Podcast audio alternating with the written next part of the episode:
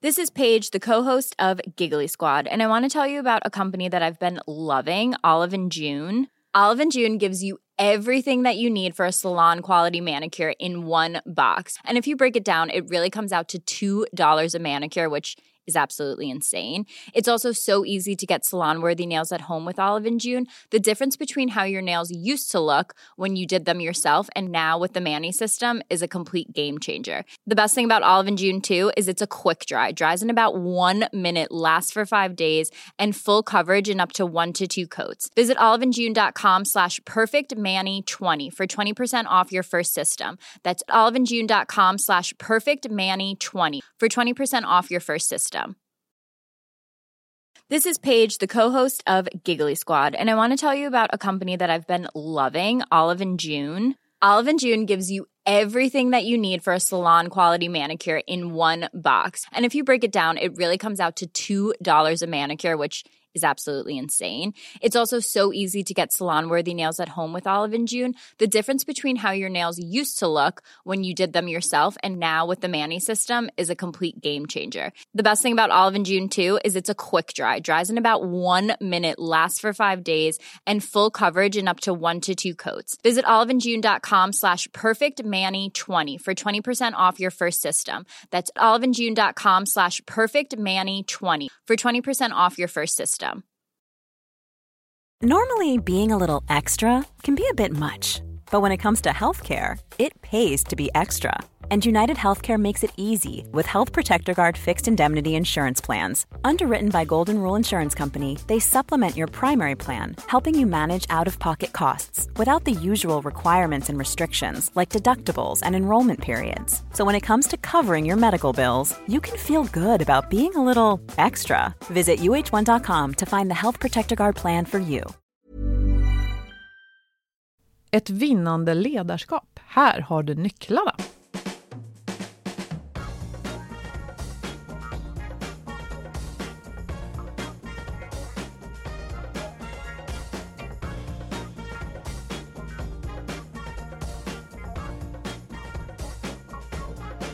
Det här är Health for Wealth, en podd om hälsa på jobbet. Trots att vi får det bättre och bättre mår många av oss bara sämre. Hur har det blivit så tokigt och hur kan vi använda vår arbetsvardag för att bygga både långsiktig hälsa och lönsamhet? Det tar vi reda på i den här podden. Vi är Ann-Sofie Forsmark och jag driver företaget Formstark Resiliens. Och Boel Stier, copywriter. Lyssna på oss för nya insikter varje vecka för dig som är chef, HR, ledare eller medarbetare eller medmänniska.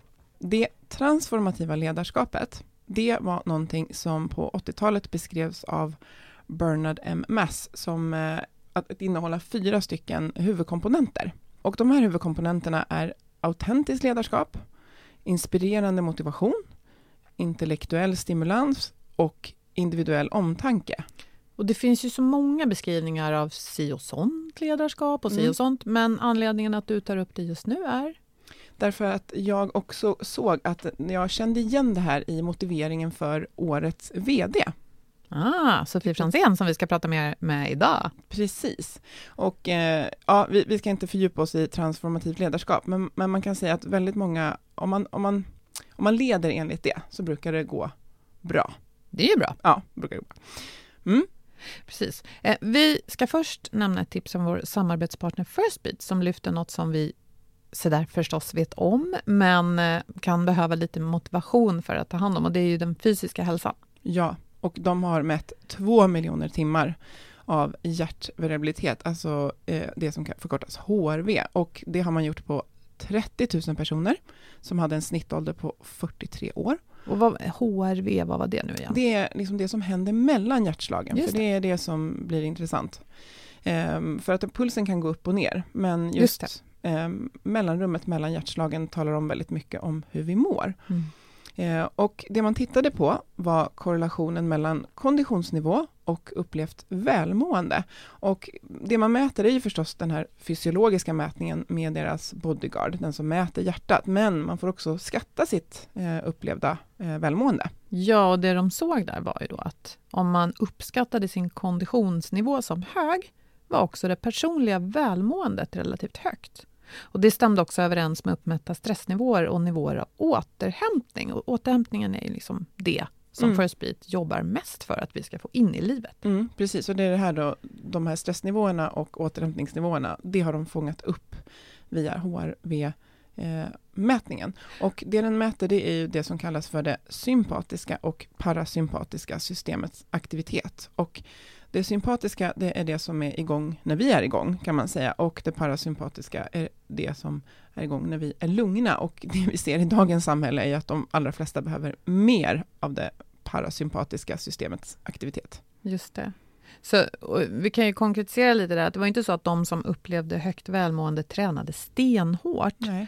Snarare var det bara lite mer fysisk aktivitet som Mm. gjorde den här skillnaden. Så det tycker jag kan vara stärkande för den som vill ta klivet ut i att börja göra något åt den fysiska aktiviteten. Och vi brukar ofta prata om att herregud, det handlar inte om att springa triathlon. Det handlar om att bara röra på sig lite mer. Ta trappan för guds skull. Mm. Och vill man hämta riktlinjer så kan man titta på Världshälsoorganisationens rekommendationer på 150 minuter måttlig eh, fysisk aktivitet. Alltså att man, man behöver kanske inte byta om till träningskläder, men man känner definitivt att man rör på sig. Eller 75 minuter intensiv fysisk aktivitet. Men sen har vi också forskning, bland annat från GH, som visar att eh, det är bra att röra på sig lite grann ofta, Mm. som sagt. Ja, varje gång man tar trappan så är det bra. Det räcker Ja. så tycker jag. Precis. Eller så gör man som vi har gjort. Eller förlåt, nu börjar jag prata. Ja, Kör. det är helt okej. Ja. Eh, vi har ju tagit in såna här cykelstolar på jobbet. Så ja. har vi två sådana, så kan man liksom sätta, man sitter och jobbar, de låter ingenting. Så jobbar du och cyklar samtidigt. Ja, så, precis. så kan du säga, men nu kör jag en timme och så byter, kan du ta den sen. Och visst finns det en app kopplad till dem så man kan också se så hur långt man har Ja, cyklat. exakt. Ja, precis. Vad Mm. intressant. Hur placerar man sin dator då, tänker jag? Nej Är men den, liksom- den är som en stol. Mm. Så att, man behöver ha ett höj och sänkbart skrivbord. Jag har suttit med en sån också. Och eh, i början så satt jag och tänkte, jag cyklar. Efter en stund så tänkte jag inte på att jag cyklade, utan exakt. jag gjorde det automatiskt. Jätteroligt, det måste jag prova. Vi hoppas att ni vill gå in och läsa mer på firstbeat.com och nu blir det en naturlig övergång att säga välkommen Sofie Fransén. Tack! Härligt att ha dig här. Ja, men Och tack. att Kul höra att att ni här. cyklar på kontoret. Ja. Du är ju VD på Eventyr och du fick pris som årets VD i höstas. Och jag hade äran att vara och se den prisutdelningen. Det var en jättehärlig kväll och speciellt för dig tror jag. Det var jätteroligt. Ja. Jag har ju varit finalist tre gånger, men nu Ah. fick jag priset. Wow. det, jag blev liksom gladare än vad jag trodde jag skulle bli. Ja, det syntes. Det Gjorde var det? jättehärligt. Ja. Tredje gången gillt. Ja, exakt. Och jag ursäkta, nämnde inledningsvis det här transformativt ledarskap och eh, när jag läser motiveringen så tycker jag att man känner igen många av de delarna. För det står att med en ovanlig förmåga att se individen, bygga tillit och skapa gemenskap är årets VD i kategorin små företag en ledare som med eget exempel visar hur företagskulturen kan efterlevas. Genom tillgänglighet, tydliga förväntningar och ett coachande förhållningssätt hjälper pristagaren sina medarbetare att själva hitta rätt, rätta vägen mot nästa mål. Vare sig resan sker tillsammans eller en och en. Och du bygger framgång med hjälp av nyfikenhet, värme och en genuin förmåga att förstå den enskilda människans driv, drivkrafter. Det var inte en dum Nej, motivering. Det lät ju väldigt fin. Ja, men berätta lite om vem du är och hur kommer det sig att du är på Eventyr och är VD där? Eh, Eventyr var ett företag som jag grundade tillsammans med en kompis 95, så det är 24 år Mm. sedan. Så att jag är ju entreprenör i botten och eh, är ju kvar på det här härliga stället. Jag kan liksom inte komma på något roligare att göra än att driva bolag tillsammans med 35 härliga kollegor som jag själv har varit med och anställt. Mm. Mm.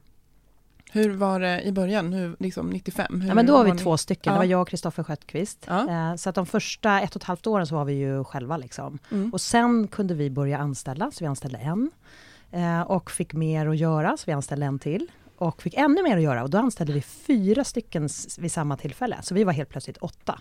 Och Wow. Mm. blev då ja, men chefer, kan Ja. man säga. Ja. Och det var ju inte liksom det som var enda målet, utan vi hade en, en bra idé att vi ska hjälpa företag att ta hand om sin personal och sina kunder i form av olika typer av möten.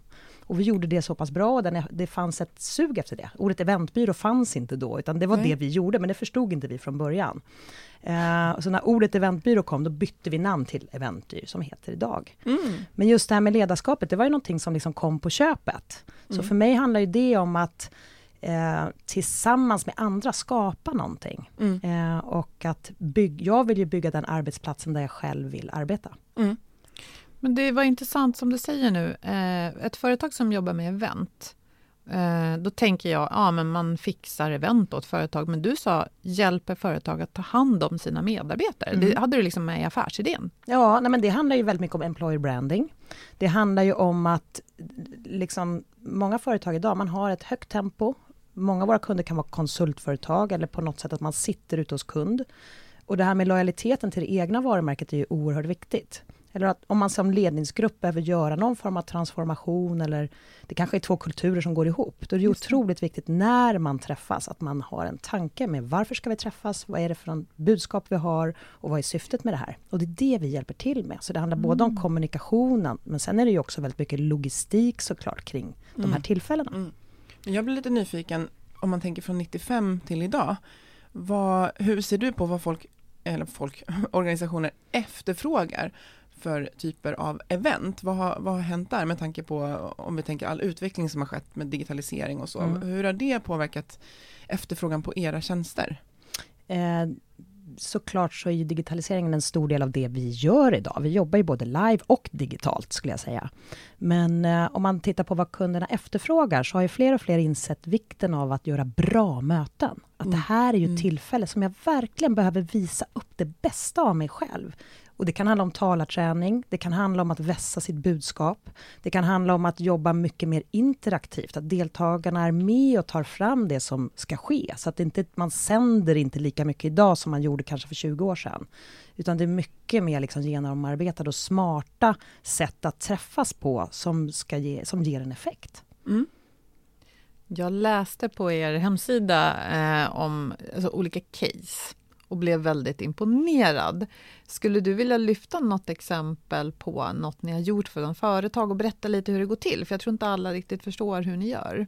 Det är ju inte alla kunder som vi liksom får gå in och berätta exakt så här gjorde just det här företaget. Men vad jag kan berätta generellt så handlar det ju om att vi sätter oss ju tillsammans i en analys med kunden. Och då är det oftast en ledningsgrupp eller en VD och några utvalda personer där man diskuterar vad är det, vad är det ni ska göra? Varför ska ni göra det här?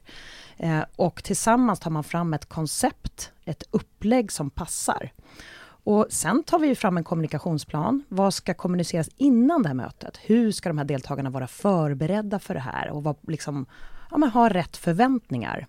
Och sen är det ju själva tillfället när man träffas. Och då kan det vara att det kanske är 800 personer som ska träffas. Det kanske är på en annan ort än där man själv bor. Och då handlar det om att vi kan chartra plan och ordna resor, all logistik kring det.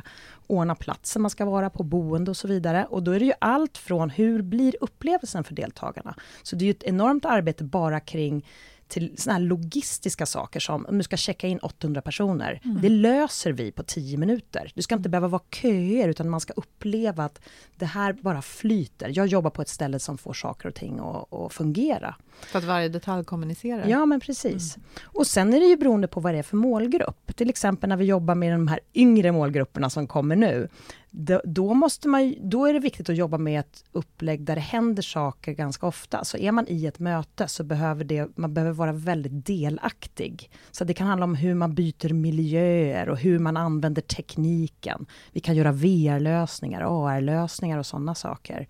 Eh, men också ett tajt program kring vad är det för budskap man sänder. Och där är det just det här med att träna talarna. Mm. Det ska verkligen kännas proffsigt. Så att när jag går därifrån, då ska jag ha en tydlig bild av vad är det jag ska göra annorlunda nu. Liksom. Och också en gemenskap, att få den här känslan, wow, vilka häftiga kollegor jag har på, på mitt företag. Jag är mm. stolt för att jobba på det här stället. Så att, och det bygger man på olika sätt beroende på vad är det för företag, vad står de för? Det ska kännas att jag är på Academic Work till exempel, eller på ICA. Då är det kanske två olika känslor. Och det hjälper vi till att bygga. Mm. Och, för, precis, så att samtidigt som ni bygger den egna kulturen så bygger ni eh, uppdragsgivarnas kulturer, Absolut. det bidrar till det? Absolut, jag älskar det här just med företagskultur, jag tycker det är så spännande. Hur, jag tänker, um, nu sa du att du inte fick nämna alla, men jag vet att ni har ju några så öppna mm. case.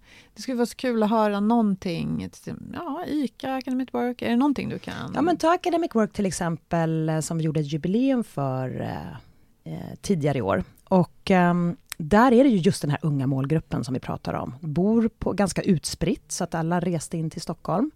Eh, när de kommer fram så tror de att det ska vara en vanlig tråkig incheckning. Men i och med att det var lite olika tider när folk ankom så hade vi byggt upp en väldigt härlig miljö där man fick sin Pokeball lunch, men man kunde också spela pingis och träffa sina kollegor. Det var ett band som stod och spelade. Det var verkligen, nu kommer jag till stället där det händer. Mm. När alla kommit in i en stor eh, konferenslokal, vi var på Waterfront, och där hade vi byggt upp som deras receptionsdisk inne i, liksom, de, de, kände, de kände att de kom till sitt egna kontor. Mm. Ett tajt program på en knapp timme, där vi verkligen hade tillsammans med cheferna tagit fram ett bra budskap där. Och där pratar man om liksom just det här med att vara en bra arbetsplats. Vad betyder det i framtiden? Och det var ett sånt tema där man sätter upp ganska tajta målsättningar framåt. Och det vill ju vi hjälpa till att bygga bästa miljön för. När den stunden var klar, då delades grupperna i, i tre delar. Så i den stora konferenslokalen där nedanför har vi byggt upp tre miljöer. Så alla fick på sig hörlurar. Så att om man då började i, var i grupp ett, då gick man ner i en, då hade vi byggt upp, istället för att ha en duk på en vägg, så hade vi byggt upp en kvadrat, en box. Så man gick in i boxen. Och det som hände sen skedde på fyra väggar. Så att mm. vi hade byggt en film med ett budskap. Där, så man slog på kanalen i hörlurarna utifrån då ettan. Mm. Och då var den stationen i 40 minuter, där man drog upp saker som var viktiga för deras kontor. Nästa grupp, de satt på såna här stora pilatesbollar. Och så hade vi byggt upp en scen i mitten av den delen. Och där så pratade man om framtida målsättningarna. Vart är det vi ska någonstans? Och då fick man i sina mobiler ta fram och mejla till sin chef. Det här är vad jag ska göra. Det här är mitt bidrag i det här som vi ska. Då är det jag, ska jag göra de här delarna. Så man fick inte bara reflektera själv Nej. utan faktiskt också dela med sig? Verkligen. Och det var ganska så här tajta, liksom stretchade mål där man själv fick, okej, okay, vad betyder det här för mig? Mm. Och den tredje delen, där var det en eh, föreläsning som handlade just om målsättningar. Och sen så bytte de här, så att man fick ju gå igenom alla de här tre delarna. Mm. Så att man ser sina kollegor, men man har olika kanaler på hörlurarna. Så att man, man var liksom antingen blå, röd eller grön. Mm. Så att man ser också att alla har tunat mm. in rätt kanal. Och där var själva konferensen klar och mm. då tror deltagarna att de ska fortsätta konferensen, de ska in i nästa del. Mm. Men där hade vi ju AV med för AV då, så där var det liveband. Det var, ja, så det, och sen fortsatte kvällen med en festmiddag på Stadshuset och, och ja, vidare program så att säga. Då. Men där var det just att fånga den här unga målgruppen som behövs att det händer någonting och att de ska vara delaktiga och det fick de vara i hela den här, hela den här konferensen. Mm. Som blev väldigt, väldigt lyckad. Vad kul att få höra ett exempel. Jag tänker mm. det ger också lite eh, ramverk eller sammanhang för lyssnarna. Jag tänker att den här typen av verksamhet, ni behöver vara kreativa, mm. påhittiga, nytänkande, otroligt lyhörda för kunderna, mm. men inte, eh, ja ni vill, ju, ni vill ju tänka nytt, ni vill ju, det här är ju surprise, det här blir så här, det här var någonting extra. Ja. Eh, och det det kräver ju väldigt eh, en tajt grupp hos er, alltså som jobbar med de här frågorna och jag tänker spontant på just ordet tillit. Ja. Eh, och att det, det, krävs mycket tillit till varandra för att de här kreativa krafterna ska eh, flöda i huvudet hos oss, för har vi inte det då, då låses liksom hjärnan från det. Mm. Eh, och det är också med i ehm, det här med att se individen kommer med i den här motivationen från eh, årets VD. Hur, ehm, vad betyder tillit för dig och hur, hur jobbar ni med det? Jag tror att tillit handlar om några olika saker. Det ena är att det är viktigt att var och en vet vilka förväntningar som finns på dem. Vad är, vad är, liksom, vad är det jag ska göra? Vad är mitt uppdrag? Vad är mina ramar? Eller liksom, vad, är, vad har jag för mandat? Och vem är det jag vänder mig till om jag har några utmaningar? Det är det ena. Liksom jag tror just det här att veta att det här är det jag ska göra. Det skapar en trygghet. Eh, sen handlar det ju om att ha högt i tak är många som pratar om, men mm. att man tränar på till exempel att berätta om misstag. Eh, att liksom det är okej okay att göra misstag. Vi en, alla gör misstag. Mm. Eh, och det, det, tränar vi på. Hur gör ni då? Mm. Eh, vi avsätter en timme i veckan till vår egna internutbildning. Eventyr Academy kallar vi den. Och där där sitter ju jag tillsammans med ledningsgruppen och tittar på vad är det vi ska göra för förflyttning under det närmaste året och utifrån det tar vi fram ämnen som vi behöver lära oss eller träna på och så vidare. Och ett sånt ämne kan till exempel vara just misstag. Eh, och då kan jag säga så att till nästa vecka så ska ni alla ha med ett exempel på ett misstag ni har gjort. Och sen tränar vi dessutom på en, en liksom presentationsstruktur i det. Så det handlar både om att dela med sig av sina misstag och att lära sig av varandras misstag eh, och att träna på hur man presenterar saker. Och då är det ju viktigt att jag föregår med liksom det största misstaget och att jag liksom drar ett exempel på det. Så ju mer du vågar, desto mer vågar dina medarbetare? Ja, det skulle jag säga. Sen kan det ju vara i vardagen att det, det händer saker och då är det ju viktigt att vi lyfter upp dem och berömmer den som liksom kommer och berättar om det. För misstag är okej så länge man berättar om det. Men sitter man och mörkar saker, då kan det bli så stora konsekvenser och det är ju väldigt, väldigt farligt. Så det handlar ju om hur vi hanterar det i det dagliga såklart, ännu mer. Liksom. Mm. Så eh, tydlighet med, här med mandat och roller Ja. och förväntningar och sen eh, att våga prata om miss, misstag och Mm. faktiskt ha en, en eh, struktur som ändå är konstruktiv, inte bara oj det här gick åt pipan utan verkligen Nej. bygga in det i ett lärande. Ehm, och om man kommer tillbaka då till för det här var tillit, nå, något mer hur du ser på det men också hur ni bygger det så att säga. Ja, men det handlar ju också om gruppen, att träna på att arbeta tillsammans, att hjälpa varandra, att stötta varandra. Eh, så att jag tror att ofta handlar väl tilliten om att jag vågar gå till min kollega och be om hjälp. Ehm, och det, vi tränar på det mycket också, just det här att sätta ihop olika eh, konstellationer av team. Så att man jobbar inte med samma team hela tiden, utan det är hela tiden olika team. Och det tycker jag är bra. Mm. Och även när vi har interna middagar och sånt. Jag har alltid bordsplacering till exempel. Mm. Och, och liksom, är det någon som ska gå ut och käka lunch på restaurang, då frågar man alltid, då liksom går man öppet och säger, är det någon som ska med? Så att det inte är så här, du och jag. Utan Mm. det handlar om att bygga liksom, samhörigheten i hela gruppen, att alla liksom är en del av den. Jag tänker ni har växt då från 1995 när ni var två personer och så 35 idag. Mm, ungefär. Vilka liksom pucklar och utmaningar har kommit på vägen? Apropå det här med att bygga en grupp och när Mm. den växer. Ja, vad har varit svårt och hur har ni lyckats? Det har ju varit pucklar på vägen, absolut. Och vi har ju gått igenom liksom två lågkonjunkturer kan man väl säga också, eller, eller perioder som har varit tuffare. Och det har ju lärt oss enormt mycket. Men just när det gäller gruppen, vad ska jag säga där? Nej, men jag tycker att i början så var det lite mer så när vi, när vi började bli liksom ett lite större antal, säg 8-12 personer, att det kunde vara lite mer grupperingar. Eh, och det fick man ju liksom ta upp då och jobba med. Så att eh, jag tror att jag jobbar mycket mer med gruppsammansättningen nu än vad jag kanske gjorde då. Ehm, sen är det ju klart att vi är väldigt sociala personer. Generellt i den här branschen är det väldigt liksom, extroverta personer och det är ju många som blir vänner utanför jobbet också. Det tycker jag bara är jätteroligt. Så det är många som åker på resor och umgås privat och det, är det uppmuntrar jag jättemycket. Men är vi på arbetsplatsen ska alla känna att de är välkomna och att de får vara med. Liksom. Så man inte bygger de här fasta, fast informella grupperna där det är svårt att komma in? Nej, exakt. Mm. Men så har det varit under vissa perioder och det har vi verkligen fått jobba hårt på. Mm, vad intressant. Men det låter som att ni har faktiskt byggt in strukturer för att öka samarbetet och också då med det öka tilliten. Att det, ni låter inte bara det ske sådär, ja men vi är 35 pers, det kommer ske av sig självt och alla är goa, utan Mm. ni har ju byggt den här timmen som du beskrev och sen också det här att de här teamen eh, bryts upp och byggs upp. Ja, man jobbar inte med samma team hela tiden. så. Eh, och det, jag tänker att det är nog någonting att skicka med, att det här det, det sker inte alltid av sig självt, utan man behöver faktiskt facilitera det Mm. eh, i, i ledarskapet. så. Jag tror verkligen det. För det är lätt annars att man går till den som man känner bäst. Mm. Jag går och frågar samma person alltid. Mm. Men genom att skapa nya platser vart man sitter på kontoret, Mm. genom att blanda folk i lag när man ska utföra saker eller sätta ihop olika team, så lär du känna fler och få fler kontaktytor. Och då blir det mer dynamiskt, det blir mer kreativt också. Mm.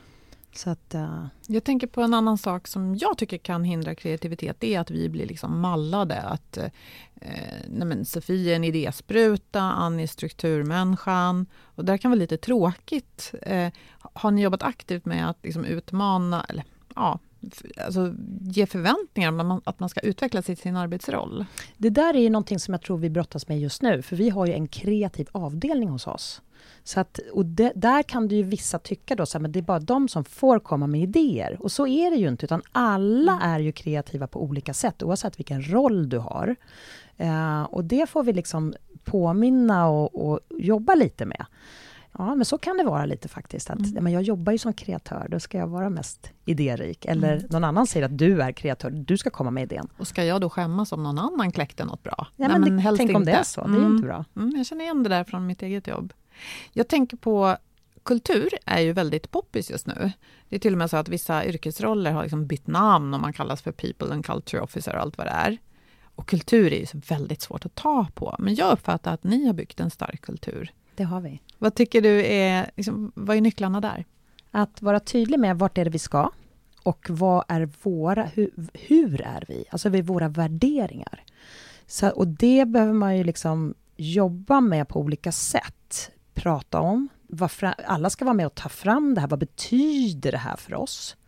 Eh, och sen handlar det ju mycket om rekryteringen kan jag tycka. Att jag jobbar ju mycket med vår rekrytering själv och där letar jag ju efter personer, både som brinner för det vi gör, som förstår vikten av det vi gör, hur viktigt arbete vi har, men också som eh, bär det som vi vill bära. Det är mycket kultur, men sen är det ju också att berömma det som är bra och att justera det som inte stämmer in. För det kan ju vara små saker som händer då och då som man kan tycka det där stäm, rimmar inte med våran kultur och då behöver vi ju träna på det, liksom, eller prata om det och justera. Mm. Och hur, hur gör man det? För jag tänker där kan det ju vara att man antingen tar det en och en eller kan det också vara någonting som man kan lyfta i är det tillräckligt öppet ibland att man kan lyfta det i grupp? Att nu händer det här, så Ja. gör vi inte. Hur gör ni då? Nej men både, både och skulle jag Mm. säga. Vissa saker är ju individuella. Liksom så. Då, då Mm. tar man ju det liksom med den personen åt Mm. sidan så att inte de andra vet. Men sen kan det ju vara saker som gäller grupper. Mm. Vi hade ett sånt möte igår där det var Mm. två avdelningar som hade, li- liksom, vi jobbar lite på sättet som vi möter kund, alltså Mm. i införsäljningen. Och där var våra säljare och våra kreatörer som hade lite olika bild av hur det ska ske. Mm. Och då upptäckte vi att då pratade man om det lite med sina kollegor istället för att prata med den andra gruppen. Mm. Så då samlade vi båda och så jobbade vi med det och tog upp det. Så att så här, vi är ju grymma på det här redan. Mm. Hur ska vi bli ännu bättre? Mm. Och då behöver vi liksom titta på, är det något vi ska justera eller så? Så då, fick de, då mixade vi upp dem i mindre grupper och så fick de ta fram idéer för det. Mm. Så att det där tror jag liksom, det, det, man kan inte tänka sig att nu är det bra här, nu är det liksom perfekt, utan man måste hela tiden bli bättre och utvecklas. Mm. Och det måste man göra tillsammans. Det låter som eh, mycket lyhördhet. Eh, Ja. och jag tänker, du är en och ni är 35. Mm. Hur, eh, hur, hur leder du och hur leder, för att du kan, du inte, det är inte bara du som är chef, Nej, nej. andra, Nej, utan nej, är hur, hur jobbar du med ditt team av chefer i att leda organisationen? Eh, vi, var tredje vecka har vi ledningsmöten. Och då är det så att vi har egentligen tre personer utöver mig som har personalansvar. Så jag har inte det största personalansvaret hos oss, utan det är Nina som är vår byråchef. Mm. Eh, så hon eh, har en, den största gänget och sen så är det Niklas som är vår kreativa chef, som har kreatörerna. Mm. Och sen har vi Helene som jobbar med våra produktionsledare, som är en egen avdelning. Då. Ehm, och eh, ja, hur jobbar vi med det här? Vi, jag vet inte vad jag ska svara. Men vi, liksom, vi eh, driver ju företaget framåt utifrån vart är det vi ska. Så vi har alltid en treårsplan. Vi sätter en tight årsplan. Vad är det vi ska göra just det här året? Eh, och på så sätt förflyttar vi oss framåt. Mm.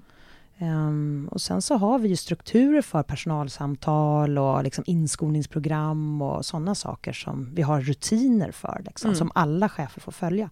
Sen utvärderar vi vårt ledarskap, så att vi Great Place to Work, undersökningen gör vi där vi är certifierade. Mm. Och det är ju intressant, för att där kommer det upp saker, så där får man ju svara liksom anonymt, så det kan alltid vara så att det kan komma någonting som man kanske inte hade observerat. Eh, som man då får Mm. jobba med. Okej, det, liksom, det, det blir bra. Jag ser det som en utvecklingspotential. Ja, men det Hur- låter så på det. Jag tänkte, förlåt, jag tänkte på det där du Mm. beskrev med att eh, det var två avdelningar som såg på något på olika sätt. Ja. Och så, Gud, här har vi ett problem. Ja. Utan så här, wow, vi är jättebra på det här, men vi Ja. kan uppenbarligen bli bättre. Ja. Eh, så att, att kunna vända saker som kan vara problem och utmaningar till utvecklingspotential, det är ju, Mm.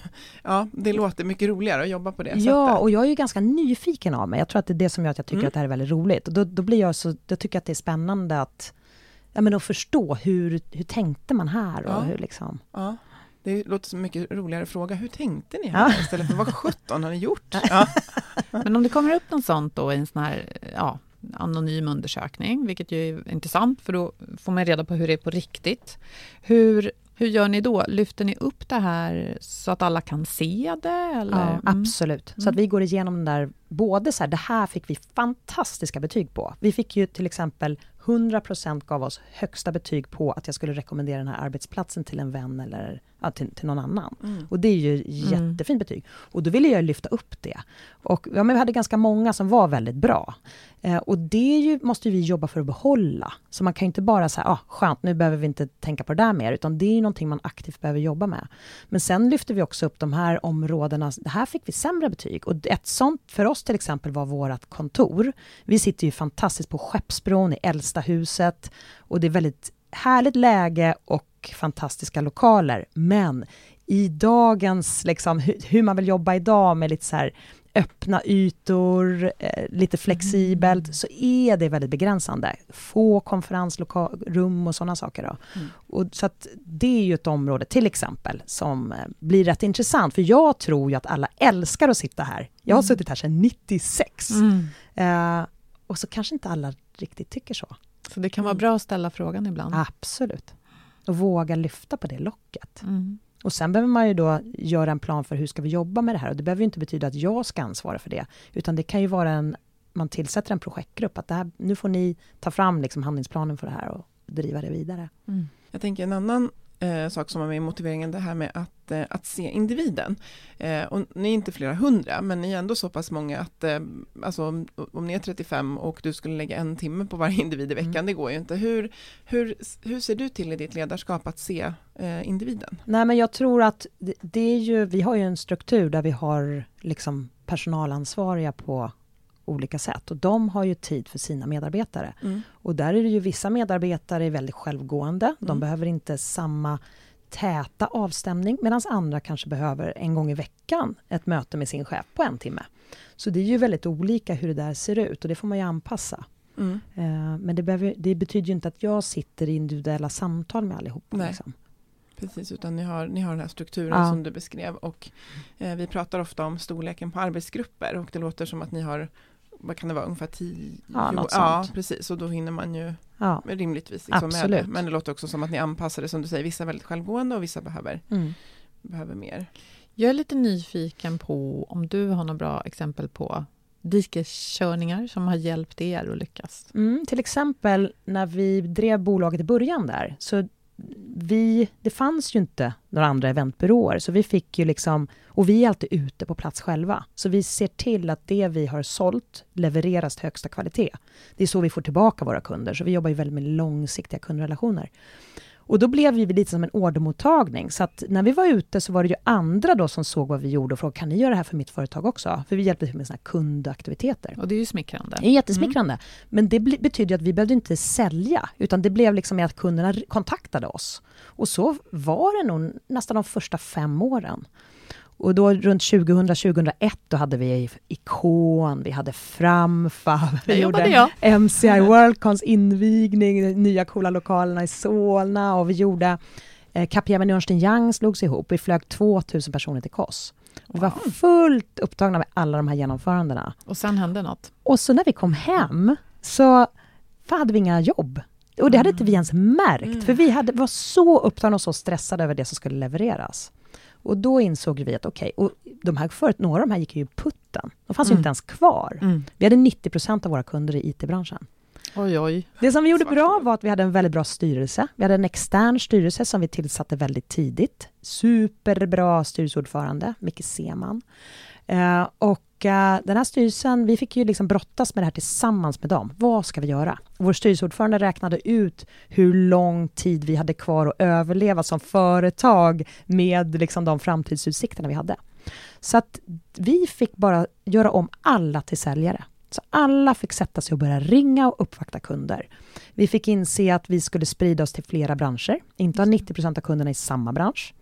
Och eh, hur viktigt det är att man ja, men uppvaktar nya kunder. Mm. Och när vi hade rätt ut den stormen, då gjorde vi om organisationen. Så att några är alltid dedikerade till att uppvakta kunder.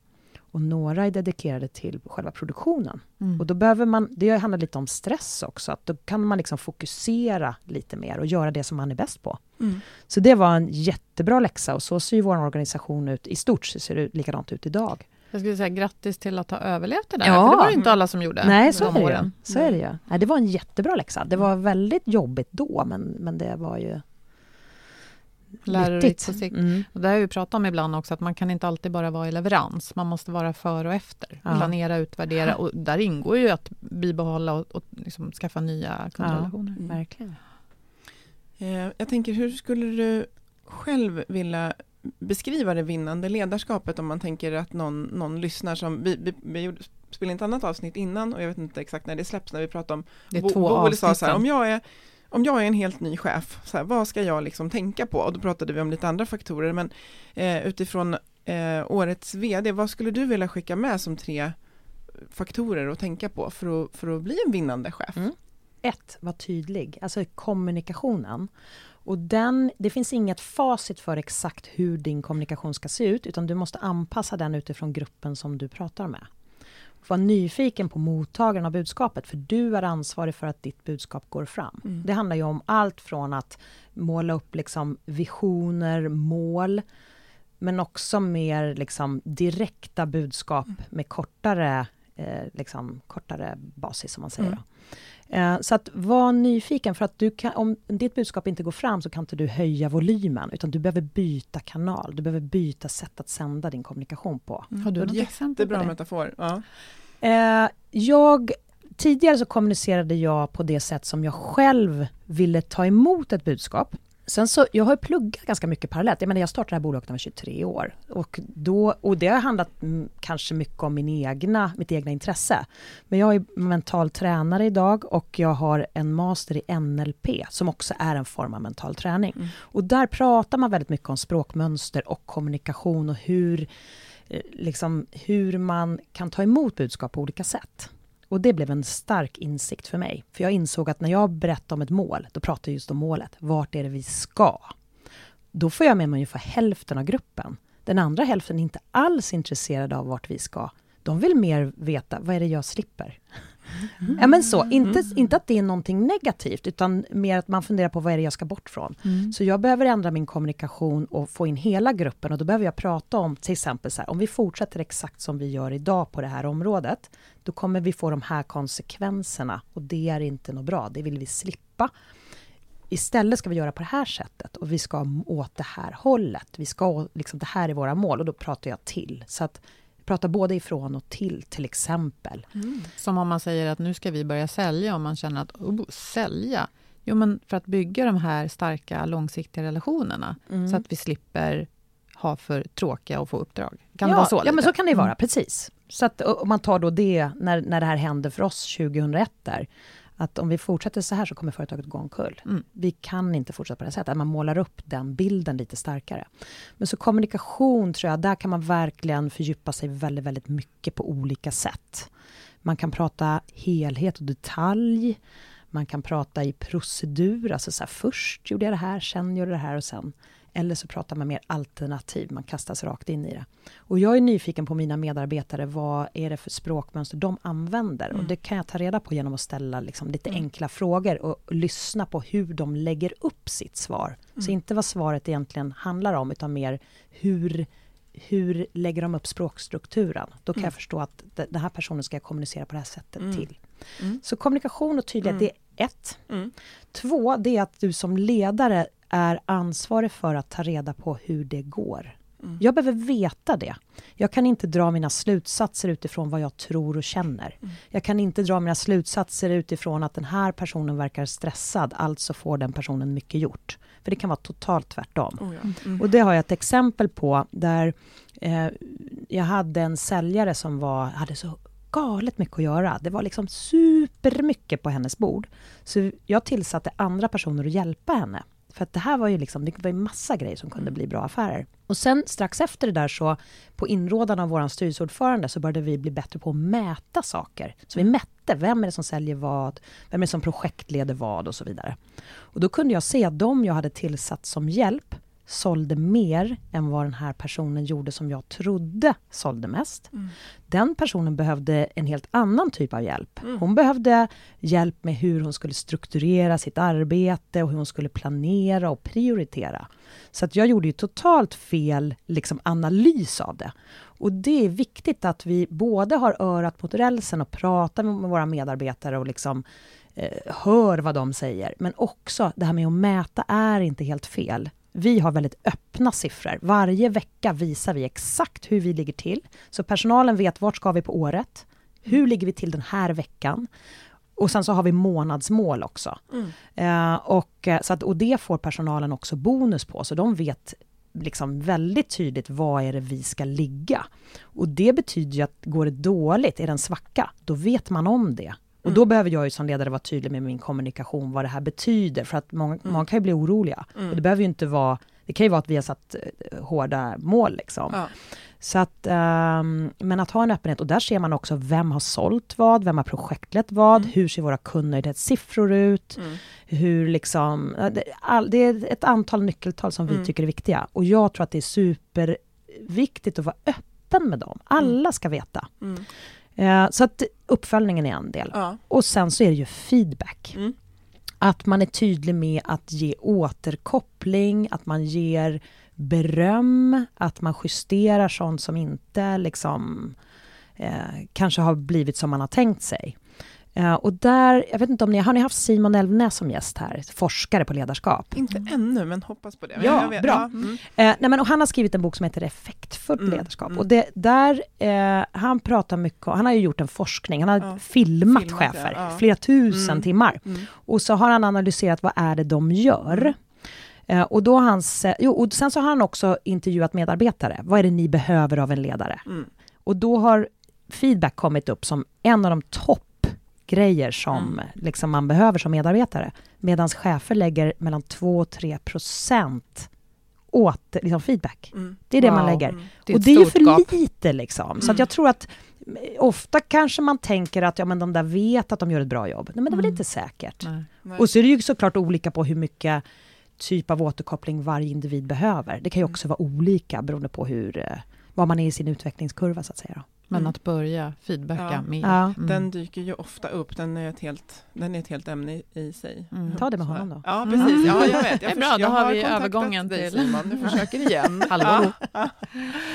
Tusen tack för att du kom hit. Det låter väldigt härligt att jobba hos er, tycker jag. Vad kul! Ja, mm. Jätteroligt. Tack för att jag fick vara här. Ja, vad kul att få höra om hela resan också, tycker ja, jag. Verkligen. Ja, och, och jag tänker på det här att från motgångar då, som du har berättat om, till det här priset. Jag tänker att det kan vara stärkande för alla som känner att det kanske inte går så bra just nu, men det går att vända. Ja, Lyft det positiva och se, vara tydlig i vart ni ska. Ja, och sen tror jag också att man måste tänka på att saker och ting tar tid. Mm. Ting tar tid. Ja, att, man, mm. att vara uthållig, fortsätta. Mm. Och där är det bra att till exempel, som du nämnde, ha en bra styrelse. Ja. Så att man har mm. människor att vända sig till när det blåser. Mm. Mm. Det behöver vi alla, tror jag. Ja. Jag vill också ha en styrelse. en egen! Ja. Det kan man väl kanske göra. Apropå det här hur man har det, så tänkte jag nämna att vår partner Wellbify, de har gjort ett KASAM-test. KASAM är den här modellen som vi här i podden gillar väldigt mycket, för mm. att den handlar om att leta efter friskfaktorer. Det som håller oss friska, mm. istället för det som gör oss sjuka. Och det här tyckte jag, tycker jag är ett väldigt bra test. Det finns på deras ja. sajt. Det är jättebra att göra. Det är, det är lite så trevligt faktiskt att se hur man har det, för man identifierar verkligen det som är bra, men också det man vill utveckla. Mm. Mm. Och så är det lite kul med tester, tycker jag, när ja. de är meningsfulla. Och det här handlar ju dessutom om meningsfullhet. Jag gjorde den för mig själv. Det finns en som är privat KASAM och en mm. som är arbetsliv. Jag gjorde arbetslivet och det, det, det, blev ett bra resultat. Men jag kunde också se vad är det som kanske skaver. Mm. Och det här kan ju vara jättebra grej att ta med sig till ett samtal med kollegor eller med sin chef. Så det är ett tips. Och det här är, ett, man kan säga, det är som ett litet utdrag av ett verktyg som, som Wellbify jobbar med. Eh, och eh, man har då tagit den här KASAM-modellen och integrerat den tillsammans med en annan som heter krav, kontroll och stöd, som också är ganska... Vanlig arbetsmiljömodell. Ja, precis. Så det, det, här är en typ en fristående enkät som ger en liksom ja, det ger mer än en fingervisning, det ger en ganska tydlig bild, men de har även eh, sitt andra verktyg, då Health Analytics, som är mycket mer omfattande och man Ja. kan få mycket tydligare bild. Men det här är, jag kan verkligen rekommendera att göra det. Så, Mm, det var Både privat. roligt och Ja. intressant. så på wellbify.se hittar ni det här. Tack för att ni lyssnade idag. Ja, Prata gärna med oss på healthforwealth.se, på LinkedIn och Facebook. och vi vill tacka våra samarbetspartners Firstbeat, Wellbify och Berggren Lahti för den här produktionen. Hör av er Och ta hand om varandra. och ta hand om er. Må så gott. Hej! Hej då!